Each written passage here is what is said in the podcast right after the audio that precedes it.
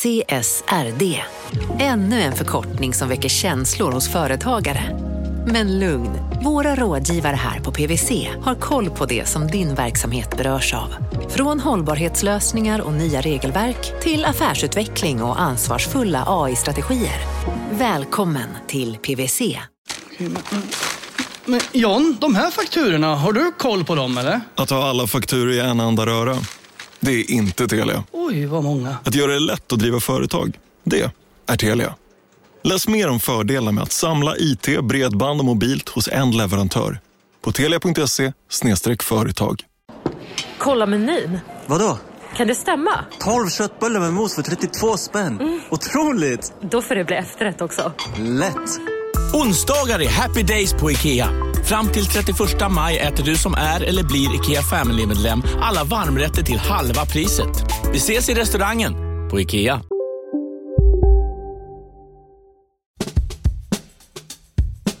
Hej allesammans, det här är Jakob Bursell. Jag hoppas att ni har haft en eh, skön jul och att ni kanske fortfarande har ett skönt jullov. Vem vet? Vi har ett litet extra avsnitt att bjuda på i samarbete med Visma SPCS. Eh, vi har pratat med Vismas företagarexpert Bo Gunnarsson och bett honom om lite praktiska råd till alla som vill starta eget företag 2021. På heltid eller lite på sidan som ett side hustle. Alltså, hur börjar man och hur testar man sin idé? Och jag vill bara kommentera ett par saker innan vi lyssnar på den här intervjun. För bilden av företagande i Sverige, jag tror inte att den är särskilt rättvisande. Dagspressen bevakar ju inte företagande i någon större utsträckning och i den mån det sker så kanske det är i Dagens Industri som i regel skriver om stora etablerade företag eller om de inte är stora och etablerade, i alla fall noterade på börsen. Men annars så skrivs det mest om riskkapitalfinansierade startups. Jag tänker då på sinnebilden av ett nytt företag som håller på med något digitalt och skalbart.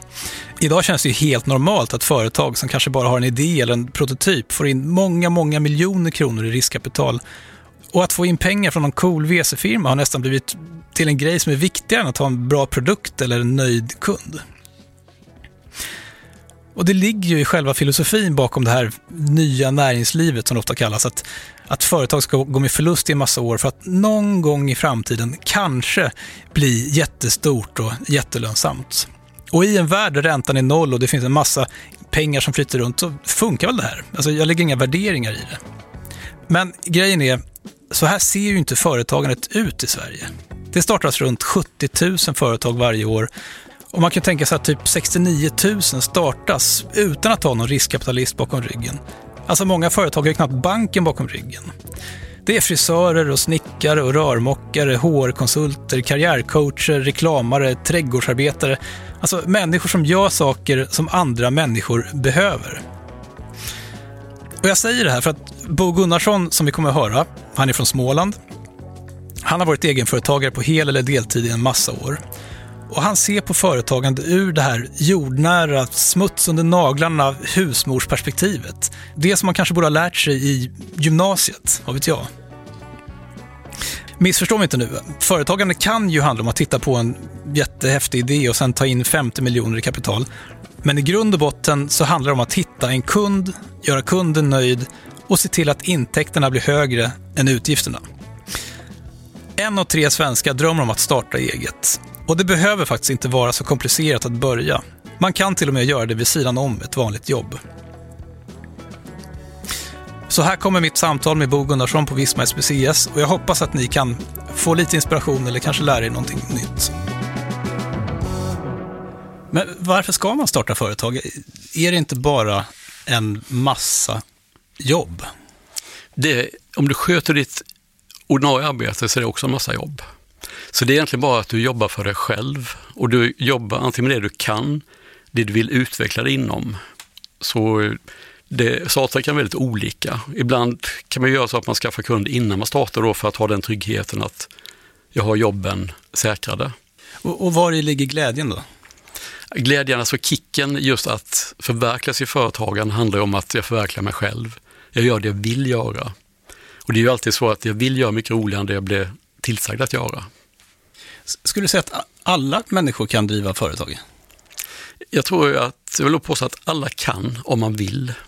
Sen är det många som inte ser sig som företagare, helt plötsligt ser man den personen kommit igång. Och många gånger är det att ha en yrkesskicklighet, men glömmer att hylla din egen yrkesstolthet. Och det är en otrolig skillnad, för tar du hem, oavsett om det är putsa fönster, sätter upp en vägg eller något annat hemma, så är det ju, du ser ju yrkesstoltheten. Att man ser fram emot resultatet och stolt över att lämna över det till dig som kund. Mm. Och det är just det man måste våga släppa lite prestigen, men också att man är lite blygsam. Mm. Och det är just att man vågar ta för sig, inte bara titta på andra som lyckas. Det är likadant inom idrotten. Det finns ju mängder med duktiga idrottare, men det är ofta fixstjärnorna du ser på tv. Och det är just det att vi måste bli bättre på att lyfta de små enskilda företagen. Men du, du säger att eh, kanske runt en tredjedel av svenskarna drömmer om att starta eget. Mm.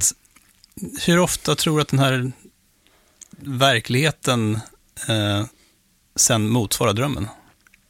Eh, Om man ser fram emot det gör det det. Sen är, finns säkert besvikelse att det blir en som hade tänkt. Men det är då som är viktigt att liksom, nej, nu har jag bestämt mig att vara företagare.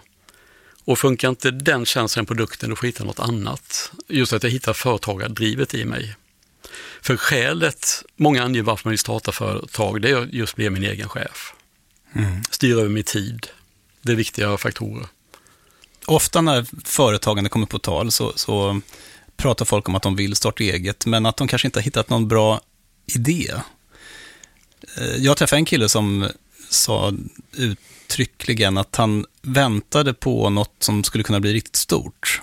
Och, och liksom i väntan på den idén, eller möjligheten, så fortsatte han jobba som vanligt. Men hur viktiga är de här idéerna egentligen? Man kan säga att eh, vill du starta vet inte med vad, då finns ju franchise-koncept. Det är ju färdiga produkter, tjänster, marknadskommunikation och allting. Och det är ju någonting man kan titta på då, googla franchise-net och få väldigt bra tips och se, det är ju en möjlighet. Pressbyrån är ett exempel. Då har du färdigt koncept. Du går in som företagare men du driver en befintlig affärsidé. Eller så gör du en marknadsundersökning i umgänget. Om du har släkt, vänner, kollegor, träningskompisar. Fråga vad de saknar. Och jag mötte en person på en starta eget-mässa för några år sedan i Uppsala. Och jag liksom frågade på att starta företag och fick svaret att nej, jag, precis, jag kom igång. Jag var på mässa för ett år sedan, jag tror jag träffade dig, sa den här besökaren. Och det är jättekul de kommer tillbaka och berättar då att drivkraften att starta företag fanns. Han bodde lite utanför Uppsala. Han går och knackar dörr och ställer frågan vilka tjänster saknar ni? Och lite typ handyman blev svaret. Alltså fixare, som man kan, vem ringer man till när något inte funkar? Allt i allo fixare, handyman, men han är egenföretagare. Och det är också ett bra exempel just att man tänker utifrån in, börjar med kunderna och sen väljer vad jag ska jobba med. Kan man tänka sig att man gör en likadan undersökning men riktar mot företag, om du vill hålla på med företagstjänster? Definitivt. Och många företag är inte medvetna om vilka tjänster som finns. Och det kan vara att man är fast i en relation. Och därför är det så viktigt att någon, man kontaktar någon och säger vi har redan den servicen. Ställ frågan, är du nöjd med den relationen med den leverantören? För det är ofta den här som lilla känsliga frågan, är du rätt, de har inte kommit i tid, de har inte gjort det och det, hur jobbar du? Så en sån fråga, hitta de frågorna som gör att man kommer vidare, inte bara säger få ett nej och be om ursäkt om man ringde. Utan ställ frågan, vad saknar nuvarande relation? Är det någonting du vill ska hända på, ske på ett annat sätt? För öppna ögon, öppna öron, du lär dig väldigt mycket genom att ställa frågorna. Hur viktigt är det att gilla sin idé, eller sin produkt, eller sin bransch? Att verkligen tycka om det och vara intresserad av det? Eller är det lika bra att bara vara liksom driven av själva företagandet och låta det man gör vara sekundärt? Eh, det finns egentligen två svar på det, för båda, de, båda två vägarna är, tycker jag är helt okej. För du kan vara liksom jätte, jag tycker nörd är ett felaktigt ord, utan mer, du är hängiven din kunskap. Och jag älskar att träffa personer som har extrem yrkesskicklighet. Och det ska vi inte ta ifrån någon, utan om du vill kalla det nörd eller dedicerad, hängiven, så är det ändå liksom det samma sak, att du gör någonting för att du vill hjälpa andra. Och det kan vara allt från träning, fönsterrenovering, att man gör det på rätt sätt. Alternativt då att jag vill bli företagare. Och utifrån det så hittar jag tjänster produktområden. Och det är ju två olika vägar, men viktigast är tycker jag man har med tanken att jag tar ut den. Det finns ju också en skillnad eh, som företagare mellan att å ena sidan sälja sin arbetstid och å andra sidan bygga ett företag som kan växa utan att vara beroende av din tid. Jag antar att många drömmer om det senare kanske, för att det, det kan bli stort, Mm. eh, eller större i alla fall. Men i dina förberedelser, i ditt idéarbete, i de här frågorna som du ska ställa till dina kompisar eller till företag, hur, hur ska du tänka om du vill åt det andra, om du verkligen vill bygga någonting? Det är att man gör en plan. Man ska göra en plan oavsett om det är liten eller stor skala. Men gör flera planer. Och det som man säger, man kommer till budget som är jätteviktigt att göra, att man får ner vilka kostnader, vilka utgifter har jag? Eller förlåt, intäkter och utgifter. Att jag gör en budget och det liksom får ner på pränt då kostnader och intäkter. Den kan jag skala upp till best case. Vad är alltså mitt drömscenario? Och vad är det sämsta som kan hända när jag behöver dra i bromsen? Men många gånger gör man budget, går till banken och får ett bankkonto, möjligtvis en checkkredit. Men redan då pratar med banken, för det kan ju vara också att banken, den du pratar med där, det är nog en ganska bra idé.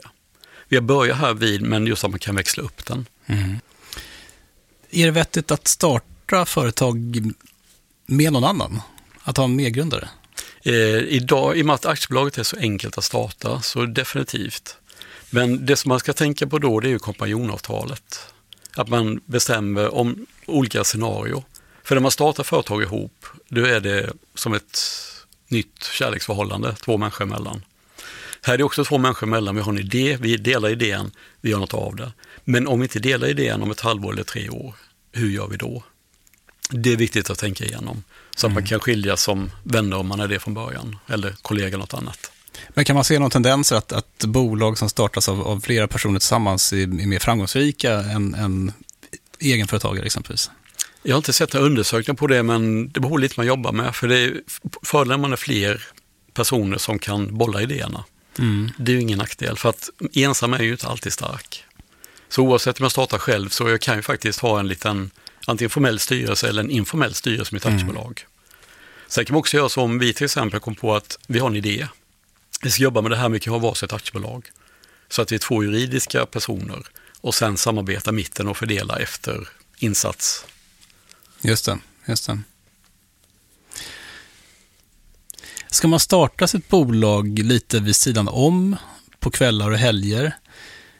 Ehm, det är ju en del som rekommenderar det. Eller ska man verkligen tänka att när jag väl gör det, då ska jag göra det seriöst. Då ska jag säga upp mig från jobbet, jag ska ta pengar som jag sparat ihop, jag ska ge det här ett år på heltid och jag ska jobba dag och natt för att få det att funka. Vad, vad, vad tror du är bäst? Jag tror det är två svar på det också. Det är lite din personlighet. För är du, om man kallar det tävlingsmänniska, du har satt upp målen, du har förberett allting. Då vill du lämna startblocken fortast möjligt och sätta fatt. Men sen kan det också vara så att du vill kanske smyga igång i en liten skala, bara testa.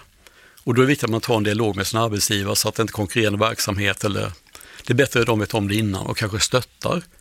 För det kan ju vara någonting som gör att du kan få sälja din nya kunskap tillbaka till det företaget, din gamla arbetsgivare.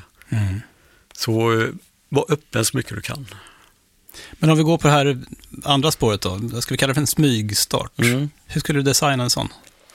Ja, det är mycket att man eh, samtidigt som man startar och samlar på sig kunskap, leverantörer. Och det finns ju mycket man behöver hålla koll på. Och det kan ju vara så att har jag möjlighet att skaffa den kunskapen parallellt med mitt ordinarie arbete, då kan jag komma väldigt långt i uppstarten innan jag lämnar min tjänst. Men eh, oavsett så måste man ändå ha klart för sig med budget, bankkontakter och man kan ju ställa frågan, det är ju inte farligt. Nej, precis. Men eh, är det någonting man känner, det kan ju vara en del arbetsgivare som är väldigt noga med att du får instarta konkurrerande verksamhet. De måste ju avsluta innan och sen ibland kan det till och med finnas konkurrensklausuler så att det är tre års karantän. Det måste man ha koll på och respektera. Men om vi tänker på det här spåret som du var inne på tidigare, att du vill testa din idé innan du börjar, vilket kanske är då extra kompatibelt med att starta just vid sidan om sitt vanliga jobb. Hur, hur skulle du göra för att testa din idé då, utöver att prata med kompisar och sådär? Vad, vad, gör du för att liksom validera om det finns någonting där eller inte? Jag tycker idag är det så pass enkelt att bygga upp en webbplats. Är det produkter då är det lätt att sätta upp en webbshop. Och framförallt då att man tänker till, hur kan jag använda sociala medier för att öka intresset? Hur använder jag mina texter, bilder, filmklipp, kunskap som gör att Google får upp ögonen för den? Mm. Och då vinner jag också mycket trovärdighet i, eh, på marknaden om jag gör på det sättet. Vi sponsras av alltså Storbrand Asset Management som ju förvaltar över 1000 miljarder norska kronor, bland annat för SPPs eh, många pensionssparare. För två år sedan så investerade Storbrand i drygt 60 tåg, alltså tågvagnar, eh, som rullar mellan London och Skottland. De leasar sedan de här tågvagnarna till tågoperatören som alltså kör tågen och säljer biljetter och sånt eh, med ett avtal på 27 år. Så britterna får nya fina tåg och storbrandskunder, eh, däribland alltså SPPs pensionssparare, får en inflationsskyddad avkastning med låga risker under lång tid. Det här är ett av supermånga exempel på hur pensionskapitalet i växande omfattning bidrar till att bygga samhället och inte minst till att klara klimatmålen. Det behövs elproduktion, elnät, batteriparker, nya transportlösningar och allt möjligt. Bara i Europa antas investeringsbehovet för att klara klimatmålen uppgå till tusentals miljarder dollar. Och det här är ju pengar som ganska ofta saknas i statsbudgetarna. Däremot är det här pengar som pensionsbolagen kan vara med eh, och stoppa in, vilket ger pensionsspararna en fin avkastning under lång tid samtidigt som man är med och ställer om samhället. Vi har gjort ett helt avsnitt om det här eh, som man kan lyssna på. Det publiceras här i Kapitalet i mitten av maj. Ratta gärna in det om ni vill lära er mer om hur det här funkar. Men tack säger vi till Storbrand Asset Management som ju investerar i alla tänkbara tillgångslag, bland annat för pensionsbolaget SPP. Och tillsammans försöker ju vi, Storbrand och SPP, öka medvetenheten om hur pensionerna funkar och vilken roll pensionerna spelar i samhället och i ekonomin.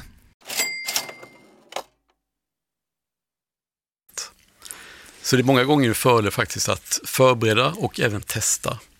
Och som sagt var med en webbshop som kostar en hundralapp i månaden så är det ganska snabbt att komma igång. Mm. Och märker man då att det kommer beställningar, det är fantastiskt, då är vi på rätt väg. Om det inte gör det, då får du se över texterna, ordval och annat.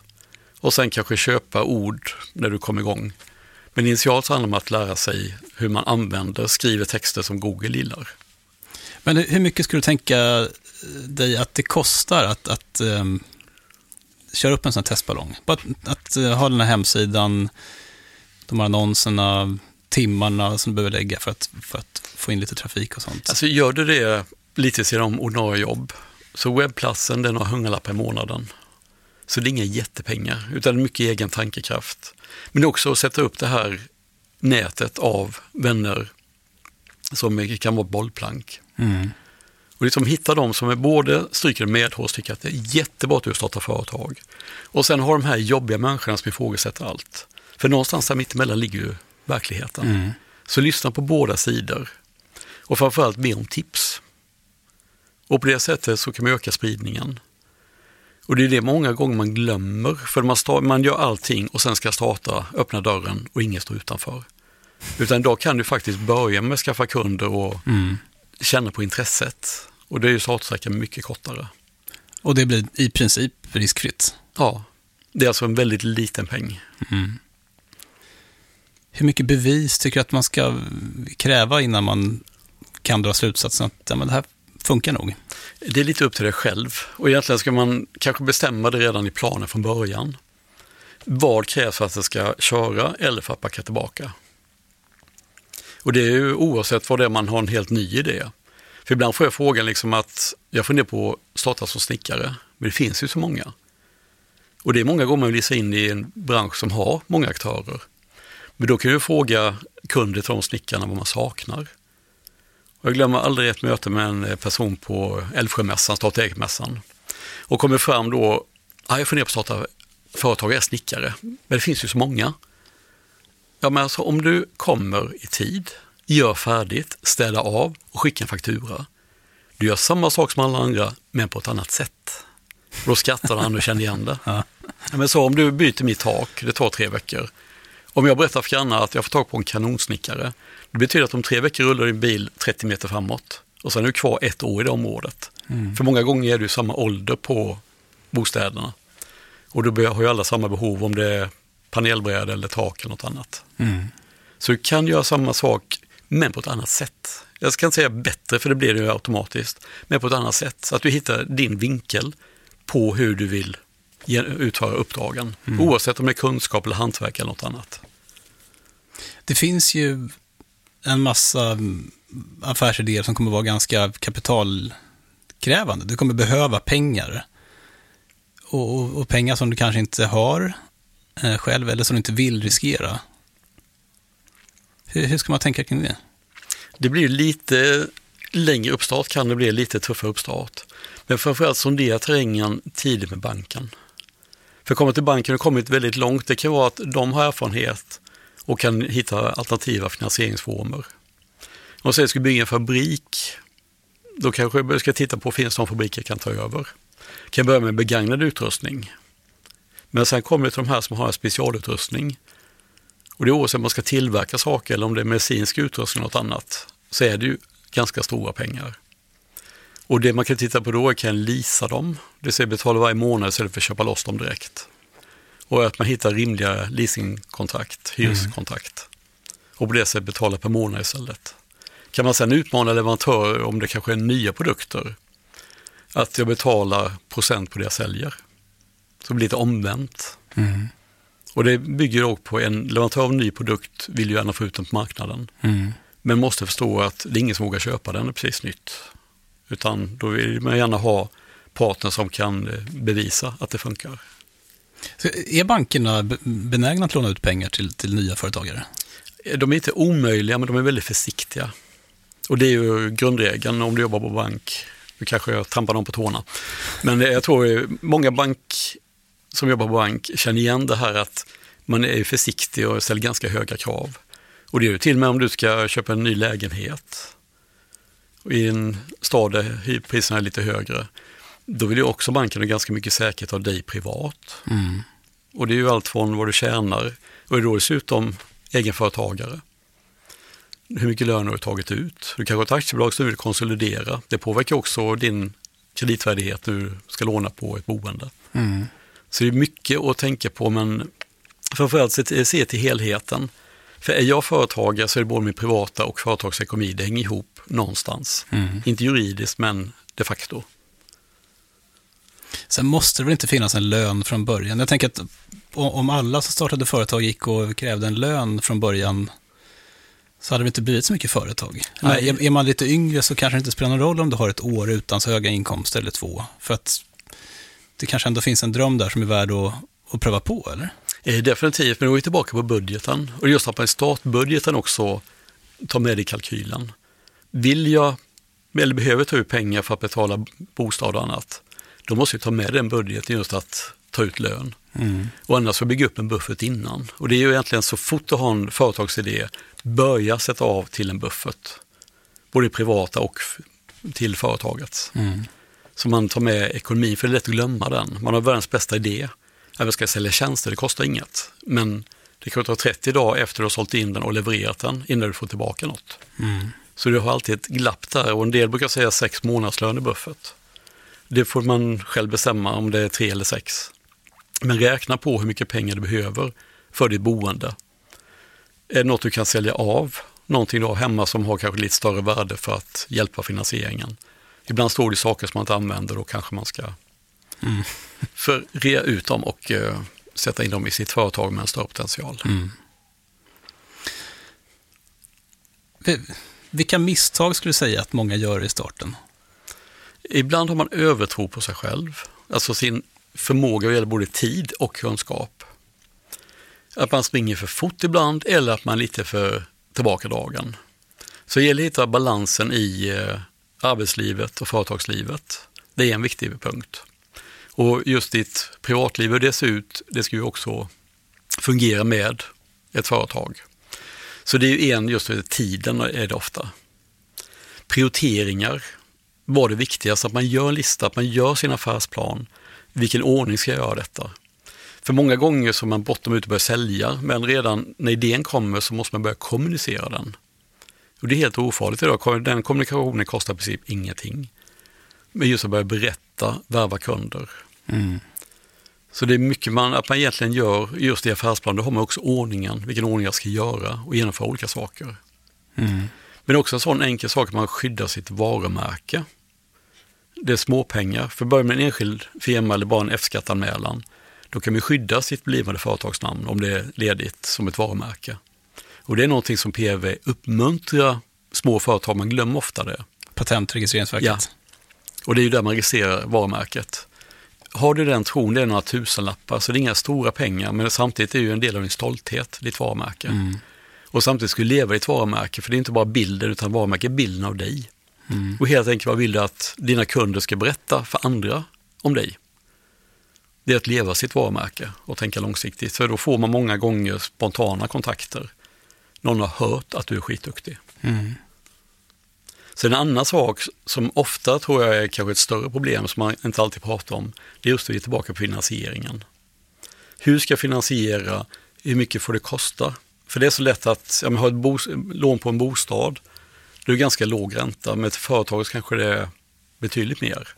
Och det måste man också se till. Kassaflödet är också ett sånt här begrepp, pengar ut och in. Att ju snabbare jag får betalt, desto längre tid innan jag betalar. Det är också en viktig faktor, att jag känner mig trygg i mitt företagande. Och just att man kanske överväger också att sälja fakturor för att snabbare få in pengarna. Framförallt i uppstarten till man har byggt upp den likviditeten och en egen kassa.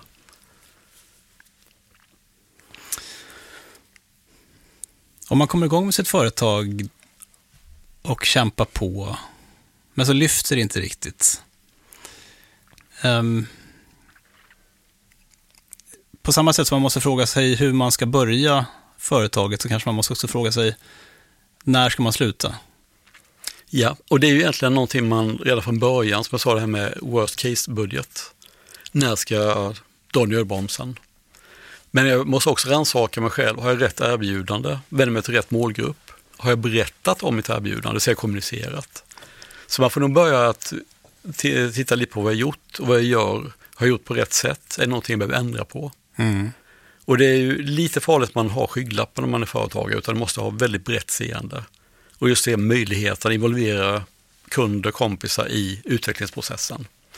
Och det är, om man säger, startar du någon inom besöksnäring inför detta året, eh, säg att du startar med besöksnäring förra året när coronan dök upp helt plötsligt och omkullkastade alla planer. Det är därför viktigt att hitta din drivkraft i ditt företagande. Vad kan jag göra istället? För det har jag valt att vara företagare, då är det inte bara produkten eller tjänsten. Vad kan jag göra för att fortsätta vara företagare? Med fina ord, hur fortsätter jag att vara relevant för mina kunder? För har du kunder så är det inte givet att de handlar igen om inte du har ett aktuellt erbjudande. Så att de känner att men det har ett värde, vi köper det också. Och utveckla produkter och tjänster på det sättet.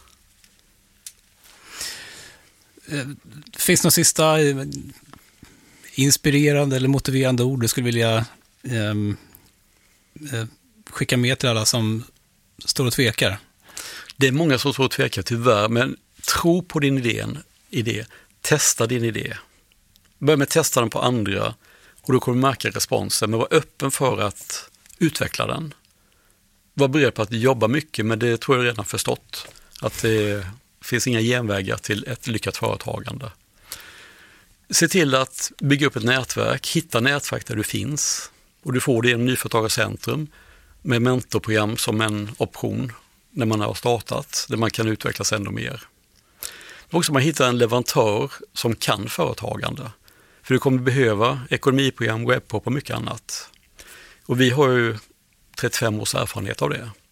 Och det kan vara också intressant att veta att Visma SPC som är idag är ett stort företag, du har två personer, en idé. För 35 år sedan digitaliserade vi skrivmaskinen. Det blev en diskett som körde i datorn och kunde redigera texterna. Idag är vi Sveriges största leverantör av ekonomiprogram. Och vi vet att flest småföretagare väljer Visma. Och det är ju därför vi kan bygga upp den kunskapsdelen som vi bjuder på. Och jättemycket tips och hjälp med affärsplan och kunskap. För vi lever med den insikten att lyckas du med ditt företag så har vi lyckats. Och det är det som gör oss starkare tillsammans. Och det här var alltså Bo Gunnarsson på Visma SPCS.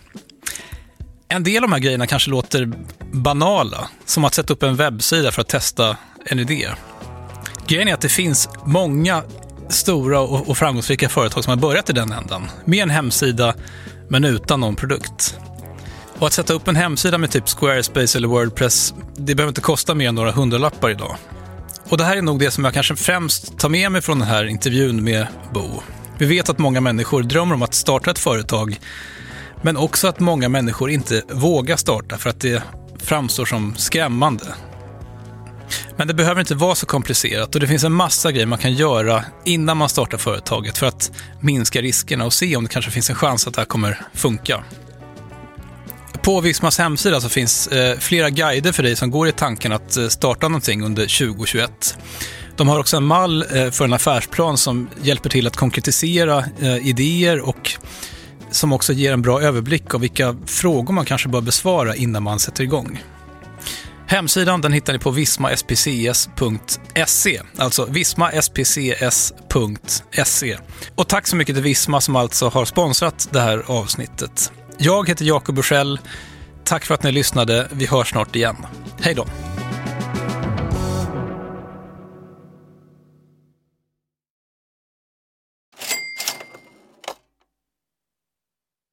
Kapitalet sponsras av Master Exchange, plattformen där du som privatperson kan investera i låtar och får pengar varje gång de här låtarna spelas. Eh, vi berättade ju senast eh, om barnlåten Puff the Magic Dragon som noterades av Master Exchange under våren. Nu har utdelningen på den låten kommit, eller royaltyn som vi säger i musikbranschen. Eh, den ligger på drygt 12% i årstakt och det här är ju en avkastning som är helt okorrelerad till börsen. Till och med Goldman Sachs har börjat skriva om just musik som investering just ur det här perspektivet. Nu finns en möjlighet att investera i en ny låt. Eh, låten heter Boss Bitch och den är av Doja Cat eh, som, eh, alltså jag ska inte säga att jag är superdeep här men eh, det är ändå en, en, person som jag vet om det är. En, en världskändis. Den här låten gav baserad på förra årets spelningar en avkastning på drygt 13% Master Exchange har just nu en väntelista på registreringar. Det, det går lite för bra för dem kan man säga. Men skriver ni in kapitalet som promo code så kan ni runda kön och ansöka om andelar i låten Boss Bitch ändå. Man investerar helt vanliga pengar, det är inget krypto eller sånt där. Så vill du investera i musik och få en avkastning som är helt okorrelerad med börsen och kanske inte minst för att det är kul att äga låtar eh, så kan man gå in på masterexchange.com och använda kapitalet som promo code så går man alltså förbi kön. Kom ihåg dock att alla investeringar är förenade med risk, men vi säger stort, stort tack till Master Exchange. Kapitalet sponsras av Karla, Jakob. Ja, bilar igen. Ja, det är härligt. På Karla kan man sälja sin elbil eh, på det gissningsvis smidigaste sättet i Sverige. Eh, Karla har ju ett nästan ett komiskt högt användarbetyg på Trustpilot. Mm. 4,8 av 5, vilket jag typ aldrig hört talas om. Nej, det är väldigt, väldigt högt. Eh, man knappar in lite info om bilen på sidan, sen får man en gratis värdering och ett bud. Accepterar du budet kommer Karla och hämtar upp bilen gratis och sätter in pengarna innan de kör iväg. Inget mer än så. Rätt fantastiskt. Nej, det är faktiskt ja. helt otroligt. Och eh, det kan bli ännu mer eh, otroligt än så. För att vi har nämligen en rabattkod som ger dig 2000 kronor extra för bilen. Så om du säljer din bil så får du två lax extra. Stämmer. Bara sådär. Koden är Monopol och och eh, den uppger du när du har värderat bilen och eh, pratat med Karlas inköpare. Koden är giltig till sista maj, så att passa på om du går i säljartankar. Jag undrar om vi har haft en kod som har gett två lax bara sådär någon gång. Nej. Det är helt otroligt. Man behöver en bil förvisso. Absolut, så det är kanske inte bara sådär, men det är ändå 2000 kronor extra. Väldigt bra. Ja. Så sälj din elbil eller ladd hybrid till Karla. Du får 2000 kronor extra med rabattkoden Monopol. Eh, hoppa in och kolla på karla.se Karla Museet. Där kan man också köpa bilar ska jag tillägga. Verkligen. Vi säger stort tack till Karla.